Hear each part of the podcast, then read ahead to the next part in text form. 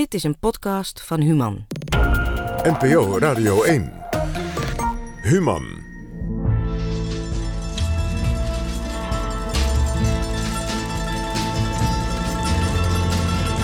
Brainwash Radio met Stefan Sanders. Emma de Swie.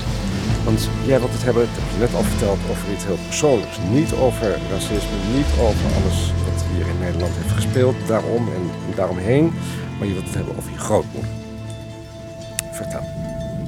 Lang zal ze leven, heet het stuk. Ik druk op de rode knop van de besloten afdeling. Die geur. In een hoekje van de gemeenschappelijke ruimte zit mijn oma. Dag oma. Met grote blauwe ogen kijkt ze op. Ik zie in haar blik dat ze niet weet dat ze mijn oma is. Dat weet ze al lang niet meer. Dag ma, zegt mijn vader op kinderlijke toon.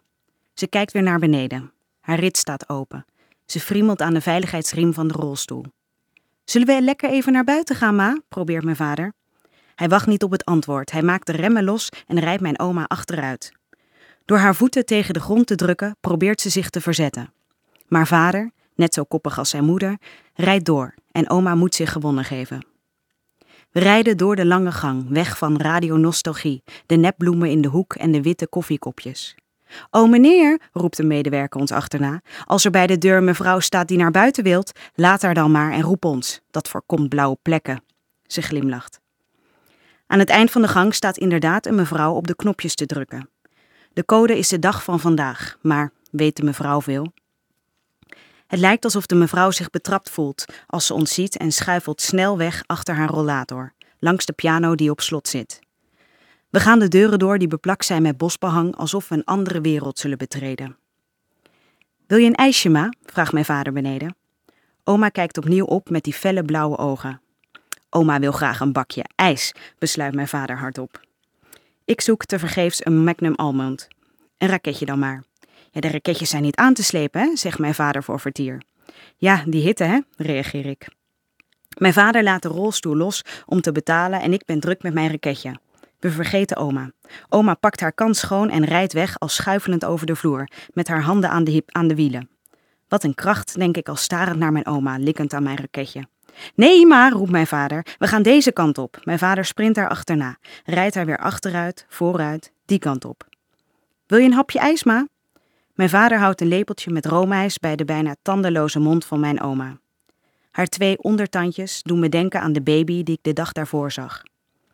Het is al lang geleden dat oma haar kunstgebit door de wc spoelde. Daarvoor was ze erop gaan zitten en nu is het klaar.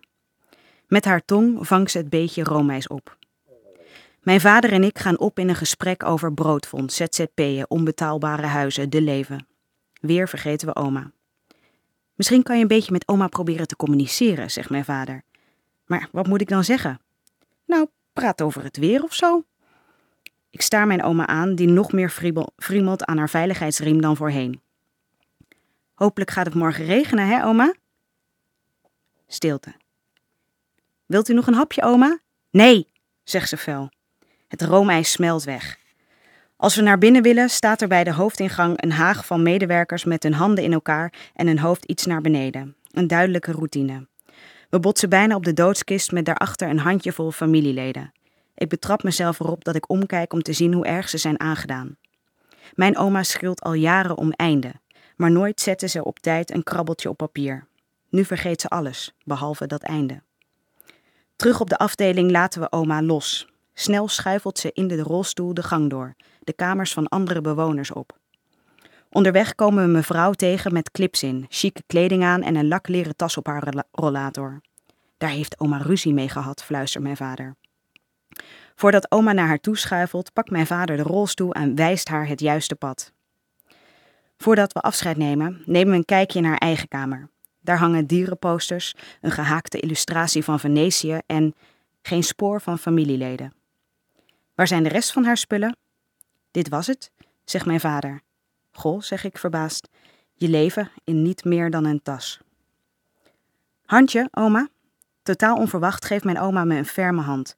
Oma hield nooit van slappe handjes. Krijg ik ook een handje, ma? Nee, roept mijn oma fel. Mijn vader lacht, verschil moet er wezen, en hij zet de rem op de rolstoel. Voordat we, het tehuis verlaten, wil mijn vader boven nog iets laten zien. Aan de muur hangt een collage met foto's van overledenen en afbeeldingen van bloemen.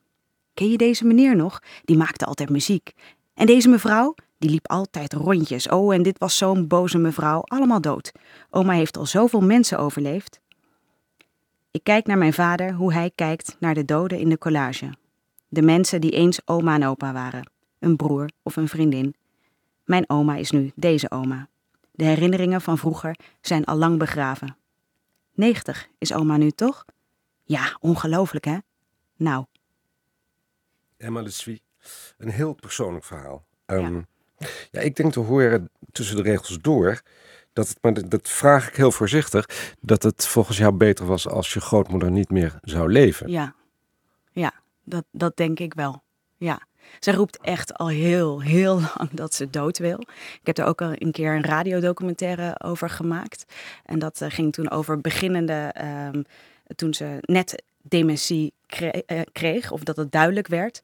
En dan belde ze ons echt 60 keer per dag op en een hele tijd ons uitschelden. En ze was zo ongelukkig. En nu nog steeds, ja, al die jaren later, schreeuwt ze nog steeds dat ze, dat ze dood wil.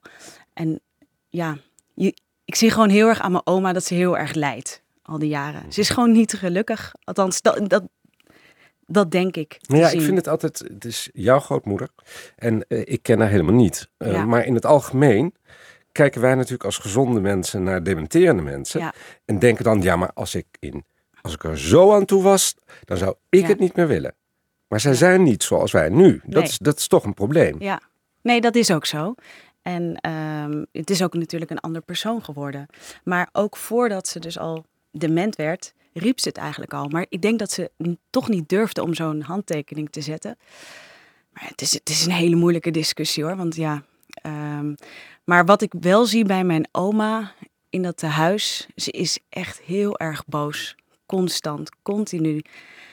Ehm, en ze maakt heel veel ruzie met, eh, met, met, met, eh, met de andere bewoners. En ehm, ja, en dat, dat vind ik wel heel erg moeilijk om te zien. Gawie Keizer had het net over blindheid. Blindheid in verband met ambitie. Maar als gezonden en als dementerende sta je eigenlijk ook blind tegenover elkaar. Er is, er is veel blindheid Ja, bij alle tweede partijen. En wij gezonde, niet dementerende, nemen maar aan dat wij iets kunnen begrijpen van Ja. de dementerende. Wat ook nog maar de vraag is. nee, dat is ook zo. Ja, we weten het niet. We, we weten het echt niet. Nee. Kun, je niet met, met als ik je, toen ik je verhaal, terwijl ik naar je verhaal luisterde, dacht ik, eh, misschien moet je met, met zo'n dementerende oma ehm, op een andere niveau gaan communiceren. Het, het niveau van gevoel, Ja, meer dan verstand. En dan is haar boosheid misschien een vorm van angst, zit ik Ja. te denken. ja dat, dat zou ook heel goed kunnen hoor. En, en ik, ik neem het mezelf dus eigenlijk ook heel erg kwalijk dat ik mijn oma zo weinig zie. Het, het stoot mij heel erg af, die omgeving waar ze in zit. Ehm, ja, en door je oma te zien die niet meer je Ja. oma is. En dat, dat maakt het natuurlijk moeilijk. Maar inderdaad, ehm, ik had het ook met een vriend van mij over, die is muzikant. Van misschien zou muziek wel helpen om toch dat, dat, dat, ja, dat ze blij wordt. Dat ze, ja, Nog dat even, ze wel comfortabel is daar. Ja. nog even, Emma. Je hebt natuurlijk een gemengde achtergrond. Deels Nederlands, deels Surinaams. Dit is je Nederlandse eh, grootmoeder. Ja, van mijn vaders kant. Is er een verschil in eh, situaties van mensen die dus dementerend zijn in de Surinaamse gemeenschap of de Nederlandse gemeenschap? Oh, dat weet ik niet. Mijn oma was niet eh, dement. Nee, met de andere oma. De, ja, de- mijn de- andere de oma. Surinaamse grootmoeder. Ja.